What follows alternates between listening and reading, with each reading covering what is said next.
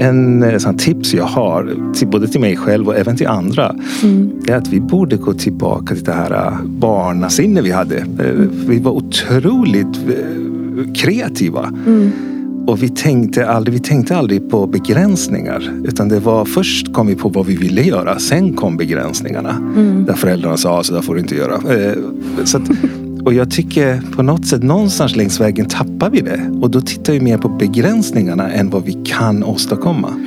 Och då enda sättet för mig att särskilja mig liksom, det är att försöka bara vara en råkopia av mig själv. Ja. Och det är ju vara sig själv. För mm. det är det enda unika jag har. Mm. Vilket har gjort, och det här kanske har hänt mer när jag har kommit in, när jag kom efter den här resan och när jag insåg att Eh, jag är, som jag sa när jag kom till Sverige, jag kände verkligen att jag var längst ner i värdekedjan. Ja, Wahid Sohali, som är veckans gäst, han har befunnit sig i botten på värdekedjan. Men idag är han VD på IBM. Han kom till Sverige som ensamkommande flykting från Iran när han var 17 år. En flykt som var allt annat än odramatisk. Wahids bakgrund har flera lager som är otroligt intressanta och har kanske skapat en annan bild av vad det är att vara människa.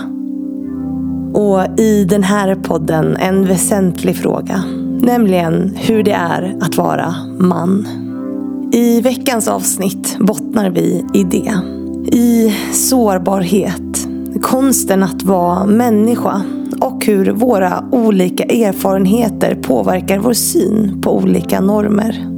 Innan vi drar igång avsnittet så vill jag precis som vanligt tacka min fantastiska sponsor Excitec som genom att sponsra podden gör att jag kan fortsätta ha de här intressanta samtalen och att ni kan fortsätta få ta del av dem.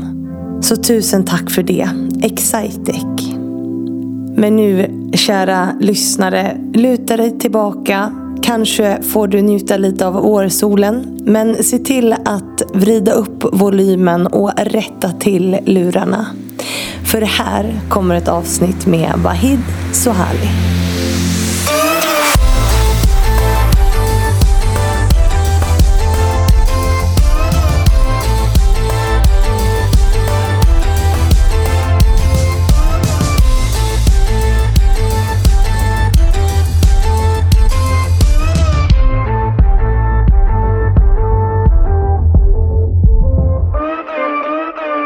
Då säger vi hej och varmt välkommen till Wahid Sohali.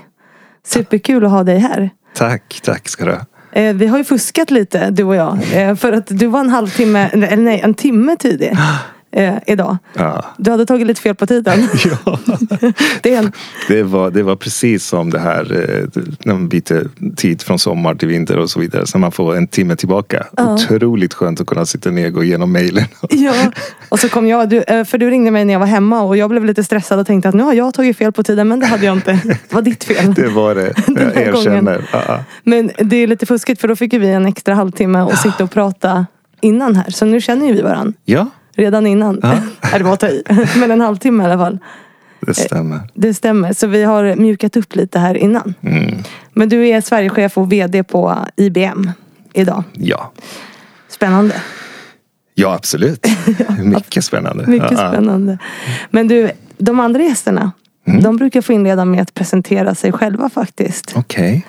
Så jag tänker att du ska få göra det också. Vi börjar precis som vanligt här i Fannys förebilder. Vem mm. är Wahid? Ja, nej men Wahid, jag är eh, ja, en individ som eh, har kanske bra börja ursprungligen från Iran. Eh, kom till Sverige när jag var 17 år och sen så efter studierna så kom jag in inom IT mm. redan i 90-talet mm. och har jobbat inom den branschen snart 25 år och otroligt lärorikt och har varit i olika företag och så vidare och ja, lärt mig hur det här funkar. Hur vad funkar? Eh, precis. Så det är lite så här eh, professionellt då om man mm. säger. Eh, I annat fall Så eh, pappa till två barn, Elvira och Emil, eh, som är 15 och 13. Mm. Och försöker att ja, lära mig nya saker eh, på fritiden. Försöker spela basket och volleyboll. Mm. Det är de sakerna jag gjorde sedan jag var barn. Nyfiken, tycker man aldrig blir fullärd. Utan det är bara att försöka att se vad som kommer och eh, försöka hänga med. Mm. Det är en inställning jag gillar. Man är inte fullärd. Visste du att ett barn ställer flera hundra frågor om dagen? De ställer frågan varför. Mm. Varför är bordet hårt? Varför är himlen blå? Ja. Och sen slutar vi med det någonstans längs vägen. Vad tänker du om det? Nu blev jag djup här direkt. Ja, alltså det här är ganska roligt för att du säger det. För att en, en eh, sån tips jag har, till, både till mig själv och även till andra, mm. är att vi borde gå tillbaka till det här eh, barnasinne vi hade. Mm. Vi var otroligt kreativa. Mm. Och vi tänkte, aldrig, vi tänkte aldrig på begränsningar. Utan det var först kom vi på vad vi ville göra. Sen kom begränsningarna. Mm. Där föräldrarna sa, så där får du inte göra. Så att, och jag tycker på något sätt någonstans längs vägen tappar vi det. Och då tittar vi mer på begränsningarna än vad vi kan åstadkomma. Mm. Och kan man bara skifta det något mm. så man går tillbaka till det man var. För vi har alla haft det. Mm. Det ser man på sina egna barn, det ser man på andra barn. Och just det här stora drömmarna. Det är bara, det är bara att ställa frågan vad barn vill göra. Mm. Eh, de svar man får. Det, det bara visar att hur de tänker. Så att jag tycker absolut, så det du säger är otroligt intressant. Mm. Och så, jag har ingen aning när man tappar den. Men tänk om man kunde på något sätt bejaka och få tillbaka delar av det. Det skulle vara otroligt värdefullt både för en själv och för sin omgivning och så vidare. Vad gör du för att odla det hos dig själv då, tänker jag? Jag vet att du i en annan podd har beskrivit dig som barnslig. Något som folk inte vet om dig eller sådär. Nej, mina barn brukar säga att jag är barnslig. Att... Varför tycker de det? Jag vet inte, jag tror det är lite så. Jag försöker kanske göra saker på ett barnsligt sätt om vi ska mm. göra någonting och så vidare. Så att jag tror det hänger ihop med, man får en stund att vara det här, det man kanske var en gång i tiden. Mm. Det här, eh, och det, det älskar jag att kunna bejaka när jag väl får chansen. Mm. Och jag tror på något sätt att man man ska nog fundera på vad man gjorde då eller man faktiskt kan lära sig av barn. Mm. Jag tyckte under den tiden mina barn var mindre då kunde jag se, jag kunde nästan hänga med dem på något annat sätt. Mm. Det var lite roligt att gå ut och springa liksom. Nu springer vi här eller nu gör vi det här. Nu när de blir äldre så märker jag att de börjar bli också mer indragna i de här äh, rutorna liksom, som man ska vara i. Så ja, eh, jag tror bara att man påminner sig själv och man försöker att se vad man kan göra som mm. man gjorde förut. Och, eller det som ger glädje. Jag tror mm. det är det som är nog viktigt. Mm. Du kan ju ta dig från punkt A till punkt B på väldigt effektivt sätt. Eller så kan du ta dig från punkt A till punkt B på ett sätt som skapar glädje eller gör någonting för dig själv. Mm. Och det är nog det det kommer det här äh, barnasinnet, det är det här som du hade tänkt att göra som barn. Det är den delen förmodligen som du behöver leta efter. Ja, vad skapar glädje för dig då? Vad är det som gör att du känner det där lilla extra liksom? Jag gillar när, när jag är med, med ett gäng. Eh, mm. Jag gillar det här. Så alla, alla sporter jag håller på med har också varit alltid så här med andra människor. Jag får, eh, jag vet inte, på något sätt om man, om man bjuder på sig själv så bjuder de och så plötsligt så får du en miljö där det känns otroligt behagligt mm. att vara del av. Och det är glädje. Det kan vara ett möte. Det beror på hur jag beter mig så mm. blir hela mötet den, den får den miljön. Och eh, man märker när man slutar mötet och alla tittar på varandra. Liksom, egentligen ingen vill lämna. För det är så det är så trevligt. Så att för mig är nog det är det som skapar glädje. När jag, och man behöver bara lite bjuda på sig själv. Mm. Och så gör alla andra det. Sen finns det ju vissa fall där de gör det och då ska man också haka på. Mm. Och eh, inte vara glädjedödare utan man ska, man, man känner, för det blir helt annan miljö. Särskilt nu efter den här pandemin. Mm. Och jag brukar säga, jag tror mitt team i alla fall kan eh, ha hört det här från mig att menar, information det kan man ju skicka via mail eller slack eller vad det nu kan vara. Men de här möten man får med folk, det är just då man kan inspirera varandra. Det är bara den lilla tiden man har. Mm. Så det vore otroligt bra att tänka på det när man väl har folk eh, runt sig eller med sig. Att varför använder vi inte den tiden för att inspirera? Så när vi lämnar det här, även om det är en tuff diskussion, att vi på något sätt känner, oss, känner varandra inspirerat när vi mm. lämnar den miljön. Jag kan nästan lova att när de sätter sig på nästa möte mm. gör de precis på samma sätt. Vad gör du för att bjuda på dig själv lite extra i möten? Har du några tips? Ja, alltså jag... Leende. Mm. Otroligt viktig, eller effektiv verktyg. Och som vi alla vet att le är betydligt enklare än att inte göra det. Ja. Så faktiskt ett leende gör jättemycket. Jag brukar höra även från andra att ja, att jag ler mycket. Även särskilt på de här när man har suttit framför kameror och haft möte. Det är det första du ser om någon ler. Och det gör ju faktiskt rätt mycket. Så det kan vara absolut första steg. Mm. Ja, de säger att ett leende smittar ju av sig på något sätt. Det är ju det är jättehärligt att möta någon som ler. Ja. ja. Det måste skapa bra stämning. Men du passerade det där ganska snabbt. Att du kom hit som ensamkommande mm. från Iran. Mm. Vill du berätta den? Jag vet att du har sagt att den tar typ tre timmar att dra. Men jag tänker att du ändå har... Vilken koll du har. Ja, visst är det hemskt. Du känner dig lite ståkad nu. Det gör alla som kommer hit. Jag vet, ja. vet mer om dig än många andra. Mm. Men, men du, eh, vill du dra den storyn för oss? Ja, absolut. Jag, jag kan inte dra eh, det som eh, kanske viktigast under den här perioden. Jag var ju en 16-åring i Iran som medelklassfamilj med mamma och pappa och en brorsa som mm. var fyra år äldre än mig. Och eh, vi hade det vi hade det bra. Sen var det ett krig i Iran som hade pågått i åtta år. Som hade tagit livet av eh, en miljon människor. Mm. Ett krig som inte längre handlade om att försvara landet. För att de första åren var det det. Och min pappa var själv militär. Så han fick vara med och hjälpa till för att vinna tillbaka ett antal städer då från Saddam då som hade tagit dem från Iran. Men efter åtta år handlade det inte om det utan det var faktiskt ja, det var två diktaturer som vägrade att ge sig. Mm. Eh, vilket gjorde att så många människor som dog i helt onödan. Um, och då valde de att skicka iväg oss. Och grejen är att jag hade hört talas om flyktingar. Jag hade mm. sett det på tv. Men jag trodde aldrig att jag själv skulle bli en. Mm. Så det var en otroligt eh, förändring i ens liv. Mm. Vilket gjorde att de bestämde sig för att skicka iväg mig och min bror. Jättetufft beslut. Otroligt tufft beslut. För att eh, jag har ju min, liksom mina barn snart mm. 16 år. Det är precis vid den tiden. Mm.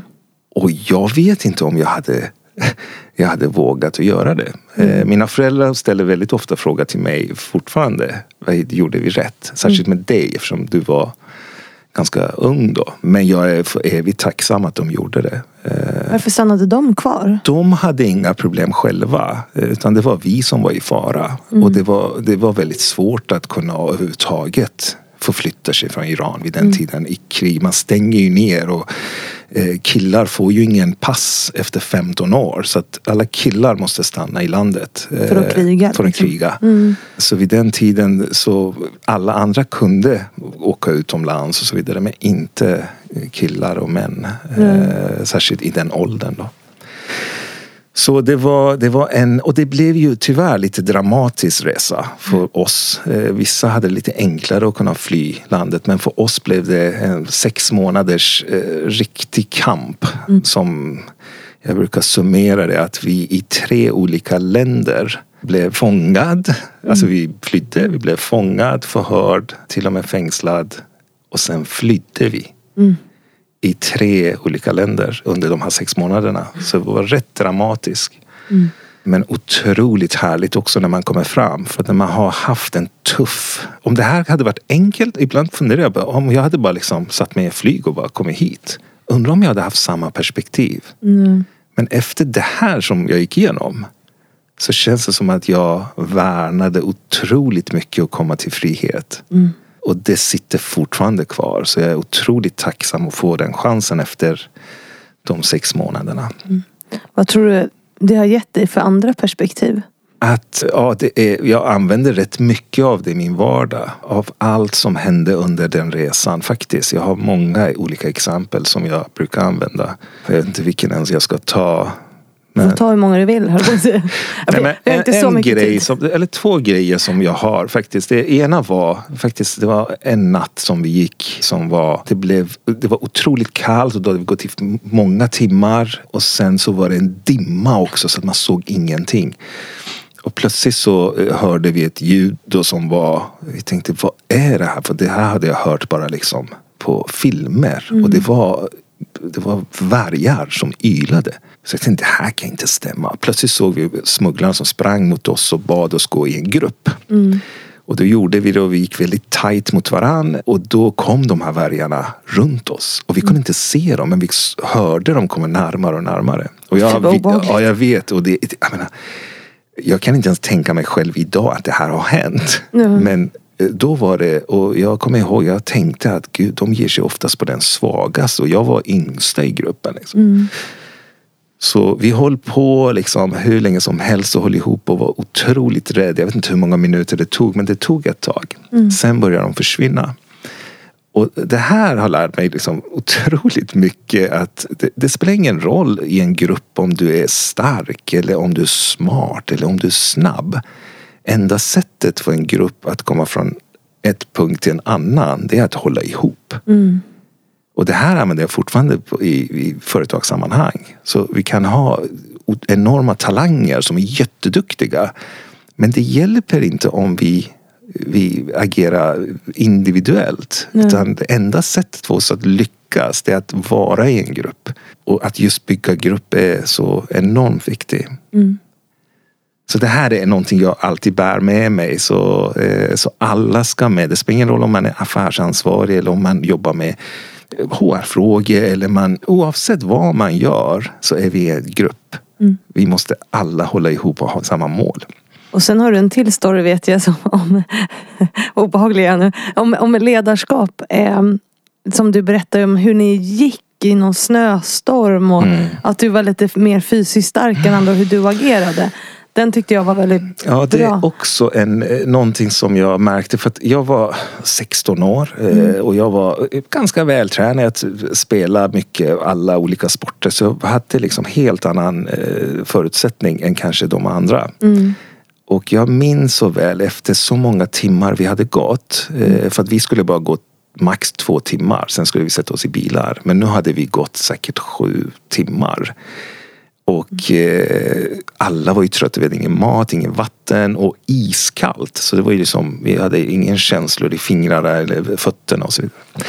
Men jag märkte att det var ibland otroligt viktigt att man gick längst fram. Så jag brukade liksom, jag gick rakt fram och före alla andra. Mm. Och på så sätt drar du med dig för, för folk ser att nej, men det går att gå dit som Vahid har gjort. Så jag märkte att det var väldigt viktigt ibland när truppen var i en viss mode att man gjorde det. Sen var det ibland viktigt att vara en del som jag gick mitt i och mm. kanske försökte att prata med folk eller uppmuntra folk och så vidare. Och ibland var det viktigt att gå längst bak för det var några som inte orkade med. Så gick man dit och de satte axlarna över ja, min hals och så gick vi liksom. Man hjälpte dem. Men den här ser jag också i företagssammanhang och i hur man driver ledarskapsfrågor. Ibland är det viktigt som ledare att bara sticka. Mm. Att visa vägen, att visa att det går. Det går att sätta sig där. Det går att prata om det här. Det går att liksom... Och ibland viktigt att vara en del av gruppen. Mm. Och jobba, höra, bli en del så att de känner att man inte är någon annan eh, utomstående. Och så ibland faktiskt eh, vara med och hjälpa till när mm. vissa verksamhet, vissa delar inte riktigt kanske har tuffare just den perioden. Hur man kan vara där och coacha och så den, den är också kommit direkt från den situationen jag var i den natten. Mm. Det är otroligt starkt och jag tror att det är svårt eller för mig är det svårt att liksom sätta mig in i den verkligheten på något sätt. Det måste ju göra mycket mer som människa att ha en mm. sån upplevelse liksom i sin, vad ska man säga, i sin bakgrund. Mm. Nej, för att de här människorna, så vi var ju 12 killar i, i mm. första resan. Mm. Jag menar, det har bytt eftersom de blev fång, alltså, eh, vi blev tagna och så vidare. Men jag kommer ihåg första mötet vi hade med varann. Eh, vilket var, ja, eh, vi fick hoppa in i en långtradare med tofflor. Så mm. de gömde oss på toppen av de här Så vi låg där mm. alla tolv. Så att vi skulle gå över, över de här kontrollerna. Då. Och då satt vi och pratade i, i, medan bilen körde så man hade helt annan bild av alla de här individerna. Mm. Men efter några nätter ihop och när vi reste och när vi hjälpte varandra då var det helt annan bild. Så det här att man lär känna varandra det är så viktigt. Eh, så jag, jag är lite mån om att när man tar in en ny anställd eller tar in en person att satsa ganska mycket på att lära känna varandra. Mm. För att det ger helt annan outcome än vad man gör bara för att man har läst varandras CV eller den där lilla halvtimmen du och jag hade. Mm. Jag kan lova dig att vår konversation är helt annorlunda på grund av den Ja. än att om vi inte hade haft det. Jag, jag, vet du, jag satt precis och tänkte på exakt samma sak. Så, Men så, det är så. Det, man får en bild av en, ja, eh, när man går igenom, när man pratar, när man Mm. Så att det, den investeringen kanske inte står överallt, att det är det här. Men, men jag har sett det i alla fall i verkligheten. Och när du är väl illa ute, då behövs det. Och det är samma sak med kunder, med partner. Att man, så jag brukar, det här är som en brandövning. Att man skapar relation. För att ibland så går saker inte bra. Och då ska man kunna lyfta varann luren och ringa till varandra och säga du det här, hur gör vi? Hur hjälps vi åt för att lösa det? Och det är betydligt enklare än att man inte riktigt känner varandra utan man har suttit i några strategiska möten bara tittat på varandra. Alltså det, det så att, mejlat lite så här. exakt. Och kommit hit utan några frågor alls. Så, så, du, men du var inte så obekväm med det? Att inte få några frågor innan du kom hit. Du kände, du kändes rätt lugn ändå. Ja, nej men jag lyssnade på några av dina och jag kände att det var en otroligt behaglig diskussion. Och ja, man, man har svar på vissa saker, man har inte svar på vissa. Och då får man berätta det man kan svara och det man inte kan säger man att man behöver inte kunna allt. Alltså så är inte i alla fall Ingen är perfekt. ingen. Men hur tänker du att din liksom bakgrund och det du har i bagaget, hur har det påverkat din förmåga att liksom vara sårbar? Ja, alltså eh, jag kan väl eh, påstå att när man väl har gått igenom en sån där du har märkt vad du kan hamna i. Mm. Så märker man, man är inte så stark. Nej. Ingen är så stark. Det spelar ingen roll vad man har för roll eller vad man har för förmåga eller förmögenhet och så vidare. Alla kan hamna i konstiga läge och tuffa situationer. Mm. Så att eh, för mig är det, jag tar inte det, allt är inte så givet. Mm. Utan man får, jag tycker man ska kämpa för saker. Och det roliga är när man väl kämpar sig fram till någonting. Mm. Det finns ju det här att man vill gärna uppnå någon form av... Man, vill kunna behärska saker. Jag tror den är någonting som man lär sig ganska mycket. Att okej, hur kan jag liksom göra det här? Och när man väl gör det, då känns det, då får man både bra feeling och så känner man att det här är ett hållbar utveckling jag har gått igenom. Jag har inte tagit mig igenom det här med andra medel. Utan jag själv kämpar mig igenom det här. Men sen tar du inte det för givet. För Du vet ju att du kan tappa eh, saker och ting. Utan det, ja, vara, jag vet inte, ödmjukt eller vad det nu kallas. Ja, ödmjuk, det är ett fint ord. Eh, Och jag, jag gillar också ordet sårbar och det är något som jag... För det är ganska få män som får komma hit. Det, det, mm, Jag känner du. mig otroligt... Du, är- du Ja. är en av få. Eh, och ja, det var inte, nu var inte det syftet att Nej. du skulle känna dig ytterst tacksam. Nej. Men något som jag tycker är viktigt att prata om med de männen som är här är just sårbarhet. Mm. För att det finns ju en liksom, norm förknippad vad det är att vara man. Att man ska liksom vara väldigt tuff och hård och man ska inte gråta. Liksom. Man ska inte visa känslor och så vidare. Mm. Har den påverkat dig eh, någonting? Eh, Jag antar att det har, jag har väl, vi är alla programmerat på ett visst sätt. eh, Och vi har alla gått igenom det. Så det är klart det har säkert påverkat mig. Men för mig har det handlat betydligt mer om att eh, vara en, vara en människa. Och en människa gråter. Så att det spelar ingen roll vilken kön man har. Eller, utan om man är på något sätt, jag försöker i alla fall hitta till det här, äh, vad är grunden att vara en människa? Och om det innebär att jag måste lufta mig genom att gråta eller sårbar genom att öppna upp mig. Det är fullt möjligt. Men jag, jag har inga problem med det. Nej, du gråter. Jag kan gråta, absolut. När gråter du då? Ja, det kan faktiskt vara en, eh, en eh, sorglig film. Mm. Ja. Jag, jag inte liksom sitter och lipar men, men jag kan få liksom, jag känner att känslan kommer. Mm. Och det är klart man släpper det. Men om det händer någonting naturligtvis eh, tragiskt med familjen eller med så det är klart man blir ledsen. Och då, mm. det, för mig är det helt okej att göra det. Mm. Har det mötts med någon typ av kritik? För jag tänker som vi ser idag att Alltså män drabbas ju av machokulturen. Det här är en del av machokulturen. Mm. I form av att de är överrepresenterade när det kommer till våld, när det kommer till självmord. Mm. Det finns liksom 11-åriga pojkar som ringer in till självmordslinjen. Mm. För att de vill ta livet av sig för att de inte liksom får visa sina känslor. Mm. Att de behöver stänga in dem. Mm. Är det någonting som du själv ja, Det är väldigt av, tragiskt att det är så. Men jag kan bara gå till mig själv och ja, min son. Så för mig är det, jag har inga större problem att uh, till och med visa honom att jag har känslor. Nej.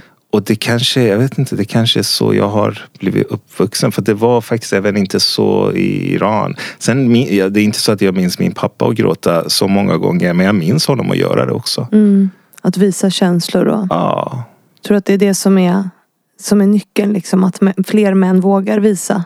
Jag tycker nyckeln är att fler män, eller ja, de försöker vara människor. Mm. Det är vad vi är. Mm. Och det gäller att liksom inte sätta någon ram runt vad är jag för typ av människa. Utan jag är människa, jag har, jag har känslor, jag har och försöker att leva som en. Ja, för du pratar mycket om liksom vikten av att man ska få vara sig själv på något sätt. Mm. Tror du att det, att det har varit lättare för dig för att du är man? Och nu kommer de tuffa frågorna. Ja, men det är helt okej. Jag, jag, måste bara tänka. Ja. Eh, jag tror faktiskt, alltså jag, eh, om jag skulle ärligt talat gå tillbaka varför jag tycker det är viktigt att vara sig själv. Jag tror det är för att jag har jag har kommit på nämligen att jag har inga talanger. För att Oj. vara helt ärlig. Jag, jag menar, det, det, är sant. Jag har kommit på att jag har, jag har känt andra människor som har haft otroligt duktiga, de kan minnas saker. Min egen bror är jätte, han är otroligt smart liksom. Eh, eller andra runt omkring mig. Mm. Men när jag tittar på mig själv, jag har inte... Och då, enda sättet för mig att särskilja mig, liksom, det är att försöka bara vara en råkopia av mig själv. Ja. Och det är ju vara sig själv. För mm. det är det enda unika jag har. Mm. Vilket har gjort, och det här kanske har hänt mer när jag har kommit in, när jag kom efter den här resan och när jag insåg att jag är, som jag sa när jag kom till Sverige, jag kände verkligen att jag var längst ner i värdekedjan. Mm. Eh, jag kände så. Det var liksom och jag har massa exempel. Det var när jag precis hade kommit till Härnösand och då var det, det var november, december någon gång och vi skulle gå till SFI. Och eh, det var en morgon, det var, jag tror det var 27 grader kallt och det, det var iskallt ute. Men jag hade ingen bil. Eller jag, så jag gick liksom. Jag gick och det var säkert en halvtimmes promenad. Men i 27 grader, det är riktigt kallt. Och jag minns så väl det här. Och det här är första månaden jag var i Sverige. Mm. Då går jag och så var det röd gubbe. Så jag stannade där och väntade på att gå över gatan. Då kom en bil bredvid mig. Så sitter en hund där bakom. Mm. Och tittar på mig. I bilen. Mm. Och jag tittade och jag kände att hunden hade bättre än vad jag hade. Mm. Så att när du kommer från den situationen, mm. från att året innan ha helt annan, men nu var jag i den situationen. Mm. Så jag känner liksom att jag har ingen, jag är inte skyldig någon, någon sån där för att agera och vara annorlunda. Utan det enda jag kan representera, det är vem jag är. Mm och försöka luta mig mot det. Och det hjälper mig faktiskt vara mycket mer praktisk i mitt sätt att jobba, i mitt sätt att vara. För det, jag kommer alltid ihåg vem jag är. Mm. Och det förenklar liksom. Sen självklart kan man ju ha, för det finns en annan viktig med det här också. Som jag sa, vi är programmerad. Mm. Vi har en hel del bias. Vi har en hel del saker vi sitter med. Man får inte bara känna att okej, okay, bara för att jag representerar mig själv, då är jag felfritt. Absolut inte. Mm. Så man måste vara väl medveten om att man har de där eh, subconscious liksom bias-delar. Men det är mycket enklare att ha, börja därifrån och så mm. bygga vidare på det. Jag tänker att det finns flera lager i det här. Då. Och du är dels lite inne på det själv också. Mm. För det sägs ju, alltså i näringslivet, eller studier visar ju att det har varit en kompetens liksom i flertalet år, så länge vi kan minnas, att vara vit medelålders man. Mm. Det är ju liksom en kompetens i sig. Det är väldigt privilegierat. Eh, och att kvinnor på många sätt har gjort anpassningar för att förhålla sig till det. Vilket ju gör det svårare att vara sig själv. Mm. Men lagret i det här är att du är ju visserligen man, mm. men du är ju inte vit. Mm. Eh, och du har dessutom ett namn som liksom sticker ut. Mm. Hur har det påverkat dig? Att vara dig själv, eller liksom förstår mm. för, du, för du låter så stark i att säga ja, jag kan vara mm. mig själv. Mm. Men har du reflekterat över om det har skapat någonting för dig? Att inte vara vit eller liksom så? Ja men så är det ju. Mm. Så att, eh, jag känner igen en hel del av det här utifrån min egen erfarenhet. Mm. Så när jag var klar med min ja, universitetsstudier mm. Som jag har berättat säkert förut också. Jag sökte ju 70 jobb i Stockholm och det var i IT-boomen. Det var liksom, men det var ingen som sa kom till oss. Så det var ju många som sa till mig, byt namn. För då, då kommer du på anställningsintervju och då kan de se dig och så kanske de gillar dig.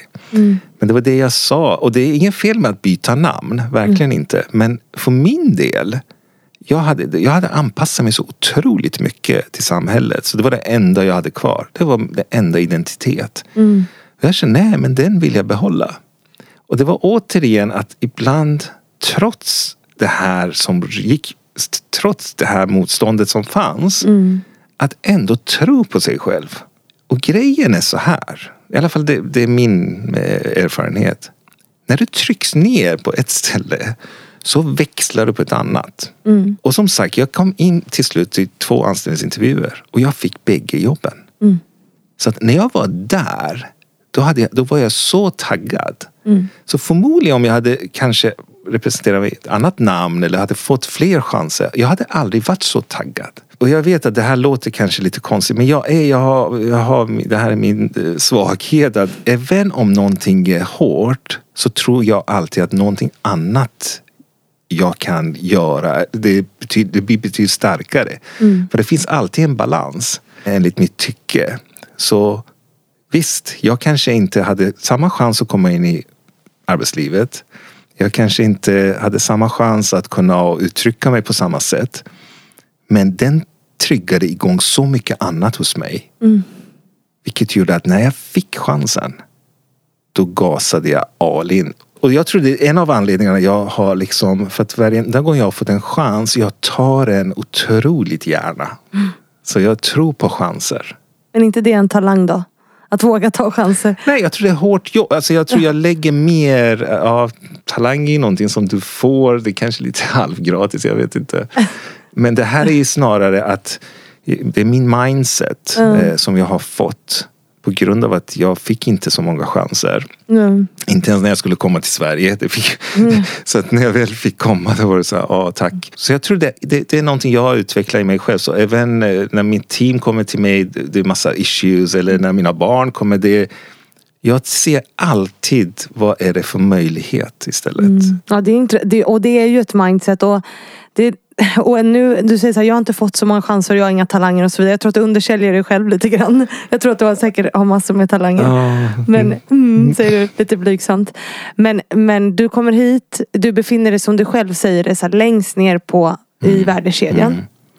Eh, och idag är du VD på IBM och har liksom gjort en strålande eh, karriär. Mm. Och så beskriver du lite olika saker här nu. Att du har tagit chanser och att du ser möjligheter. Att det är liksom ett sätt för dig att ta dig framåt. Mm. Och där är också en fråga från min sponsor Excitec. Alltså hur vad har du mer gjort för att gå ifrån lägst i värdekedjan till att mm. ta dig upp?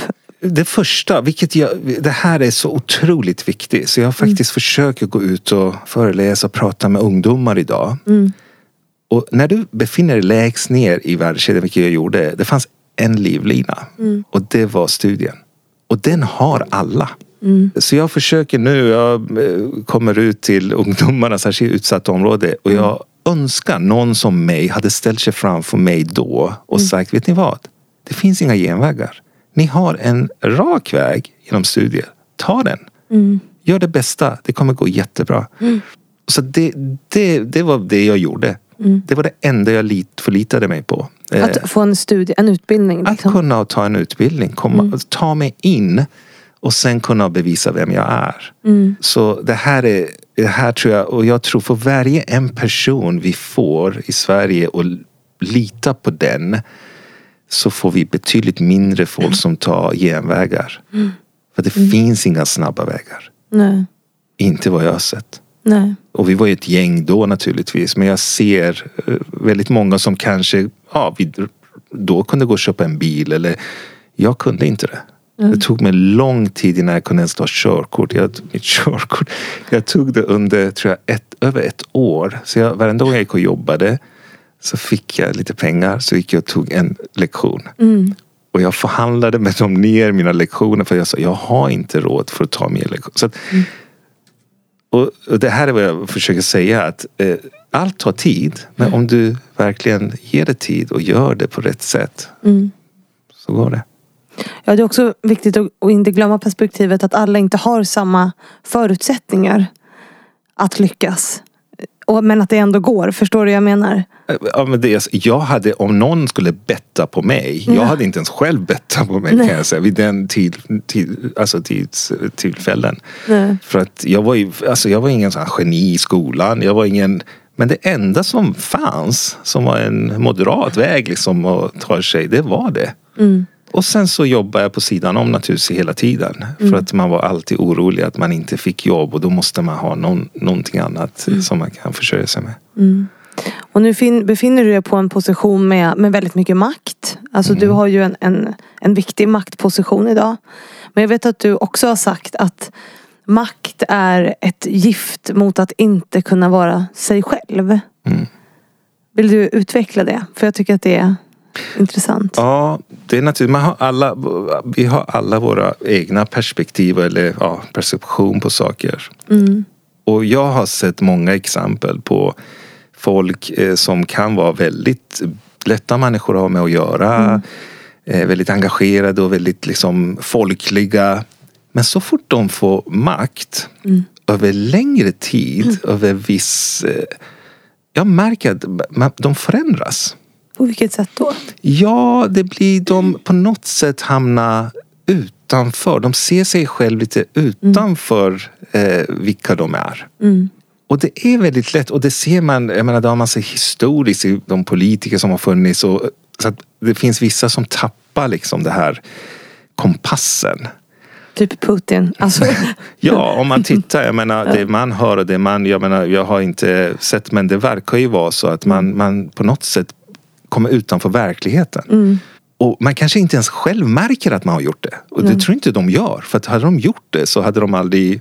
Så att jag tycker det finns otroligt... Eh, det finns en nytta av vissa makthavare kan bara sitta en viss tid i viss makt. För att mm. eh, det finns säkert en anledning bakom det. Men jag försöker alltid tänka på det själv. För det är så otroligt lätt att man hamnar där.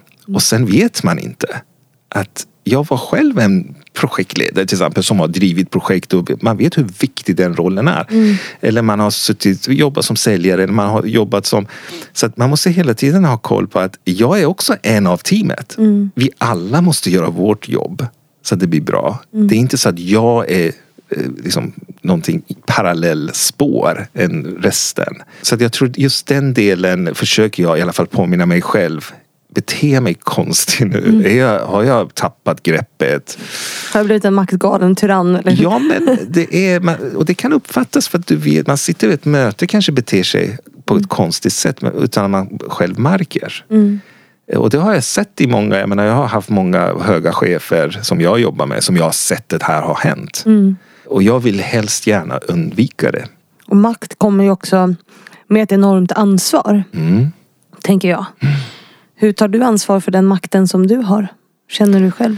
Ja, det är inte så att jag har plötsligt fått en makt nu. Utan allt, i alla fall.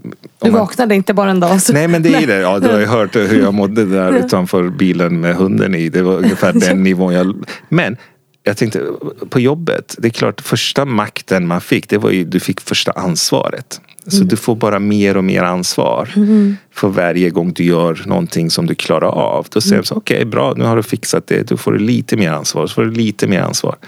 Så det här är inte första gången jag har hamnat i. Så sättet jag tar ansvar det är att jag försöker i alla fall åstadkomma någonting som ger nytta både till de som är del av det och blir påverkade av det men mm. även utanför det. Mm. Och det är det till exempel när vi gör till exempel inom IBM Sverige nu. Eh, mm. vårt sätt att göra det, sätta en vision och försöka jobba med det i form av hur vi, vi med vår teknologi och vår kunskap vill hjälpa mm. Sverige bli en världsmakt inom hållbarhet. Det är mm. vårt sätt och det handlar om hur vi hjälper våra kunder och partner som kan bli mer hållbara eller följa sina mål. Hur kan mm. vi uppnå våra egna?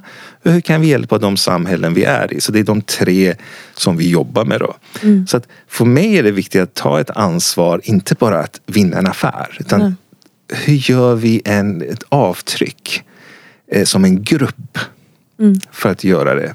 Och det tycker jag är det är liksom del av ledarskapet. Mm. Och sen finns det olika sätt att göra det på. Mm. Och det, det som är, det blir eh, det här vi pratar om makt. Mm. När du, makt är ett laddat ord. Ja. Jag vet, men när du egentligen hamnar som en ledare då. Mm. Så jag brukar säga, det är inte så att vi har, jag har inte så mycket att spela med. Nej. Det kanske låter konstigt men egentligen jag har två saker som ledare att spela med. Ena är mig själv. Mm. Sättet jag kommunicerar, sättet jag engagerar mig, sättet jag eh, mina värderingar. Alltså det enda som jag har. Mm. Det här är jag. Det här är enda verktyg jag har eh, utav de här två. Nästa, det är mitt team mm. som jag bygger. Så om du ska leda, du måste göra de här två sakerna bra. Mm. Sen har du faktiskt ingenting mer. Du har inga andra verktyg. Vilket gör att det här, så först själva men däremot när du bygger ditt team mm. eh, så är det otroligt viktigt hur du bygger den. Mm. Och det är där det här med just mångfald eh, och inkludering blir en nyckelfråga för en ledare. Mm. mm. För att jag menar, vi i Sverige, vi är 0,13 procent av världens befolkning. Mm. Och vi konkurrerar med bolag, med länder som har miljarder av människor. Mm. Och då är det otroligt konstigt att då bortse från halva befolkningen eller mm. de stora minoriteter. Mm. Alltså vi har inte så många människor. Nej. Och de här talangerna de är ju överallt. Det är inte så att de sitter i en skola eller i ett område. De är precis överallt. Mm. Så att för att lyckas och fånga det här då måste man bygga de här teamen, de här gruppen. Mm. Som är en av dina huvudverktyg liksom, du har att jobba med att bygga en olikhet mm. som gör att du kommer att lyckas. Det är människor bakom alla siffror brukar jag tänka. Ja men absolut va. Mm. Och vi är i Sverige, jag menar, jag menar säger du, du är en på miljon. Mm. Det låter ju jättebra i Sverige. Mm. Men säger du det här i Kina. Då finns det 1383 till sådana.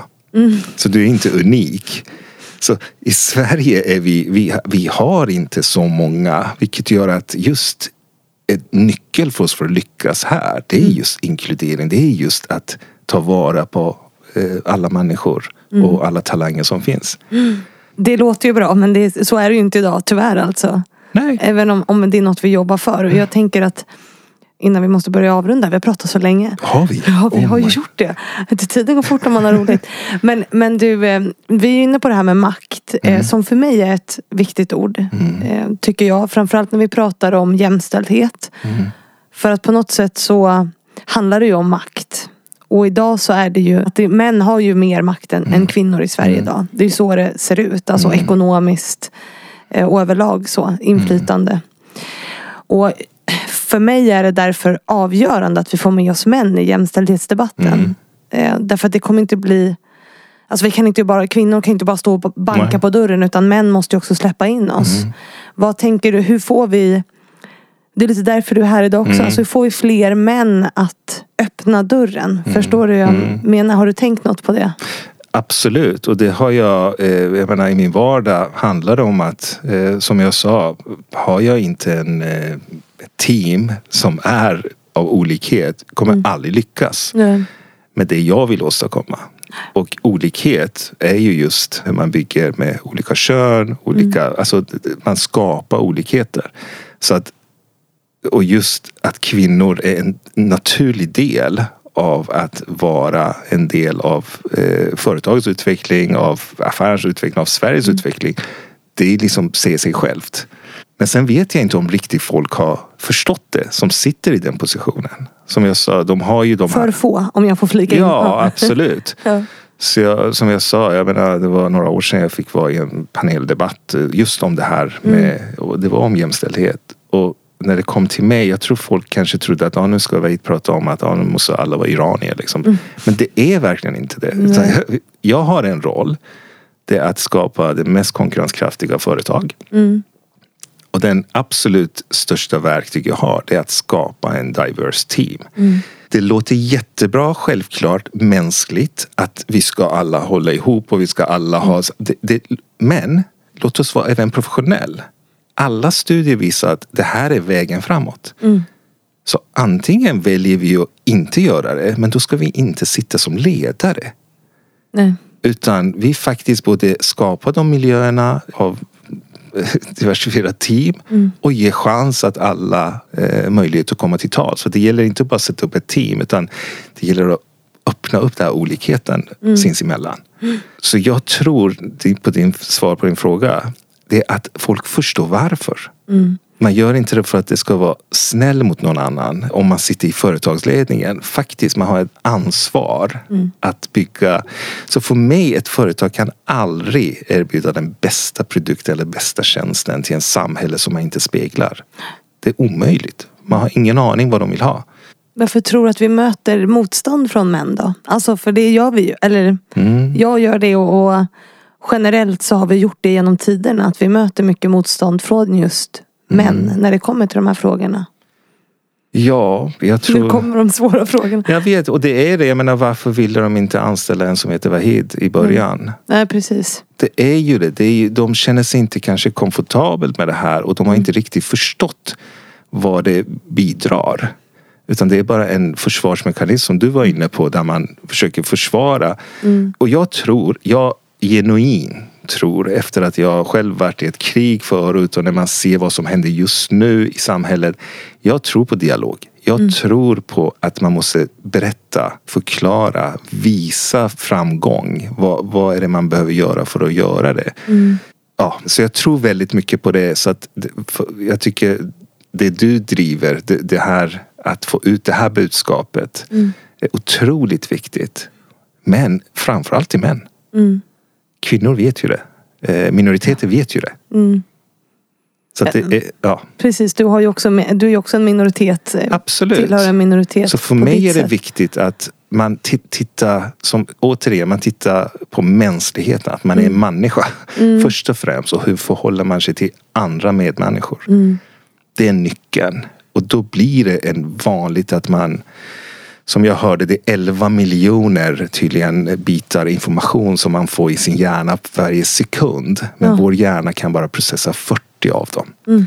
Vilket gör att vår hjärna håller sig till det den känner igen. Så därför så måste vi få folk att känna igen och höra att det funkar. Mm. Så att det här blir en vardag för dem. Mm. Så att det ska kännas konstigt om man sitter i ett kundmöte som man har om vi bara är fyra män, mm. då är det någonting konstigt. Det är något som är fel. Ja. Det är något som är fel. Va? Mm. Eller att vi bara har samma ja, etnicitet. Om, om, vi inte, liksom, res, alltså, om vi inte representerar en verklig samhälle som vi lever i. Mm. Då har vi, det här ska bli, det här ska bli nästan en ryggmärgs men det är så märkligt. För, för dig och för mig är det ju självklart på något sätt. Men jag såg ett inlägg på LinkedIn för inte så länge sedan från ett bilföretag som la ut en bild så här, på sin ledningsgrupp och bara idag har vi haft så kreativa möten och det är så bra. Vi skapar de bästa bilarna. Och så är det så här, typ 15 vita medelålders män. Mm. Och det blev ju ramaskri. Och, och, så här, och det är ändå folk som går på de här. Fortsätter. Och jag, i min värld så blir det, jag har svårt att greppa liksom varför? Nej men det är som att just nu när det går ut mm. så skulle det bara vara vita män på gatan. Ja. Som går. Det är som mm. gamla filmer när man tittar. Har du tänkt på det? Mm. Nej, det ja, är nej. faktiskt, om man tittar riktigt gamla filmer, det är rätt många män. som bara går runt. Så jag tänkte, var är alla kvinnorna? Så det är lite så, det är bara att titta på en tavla. Vi som människor egentligen, du vill gärna se på en tavla som är färgglad, det är olika färger.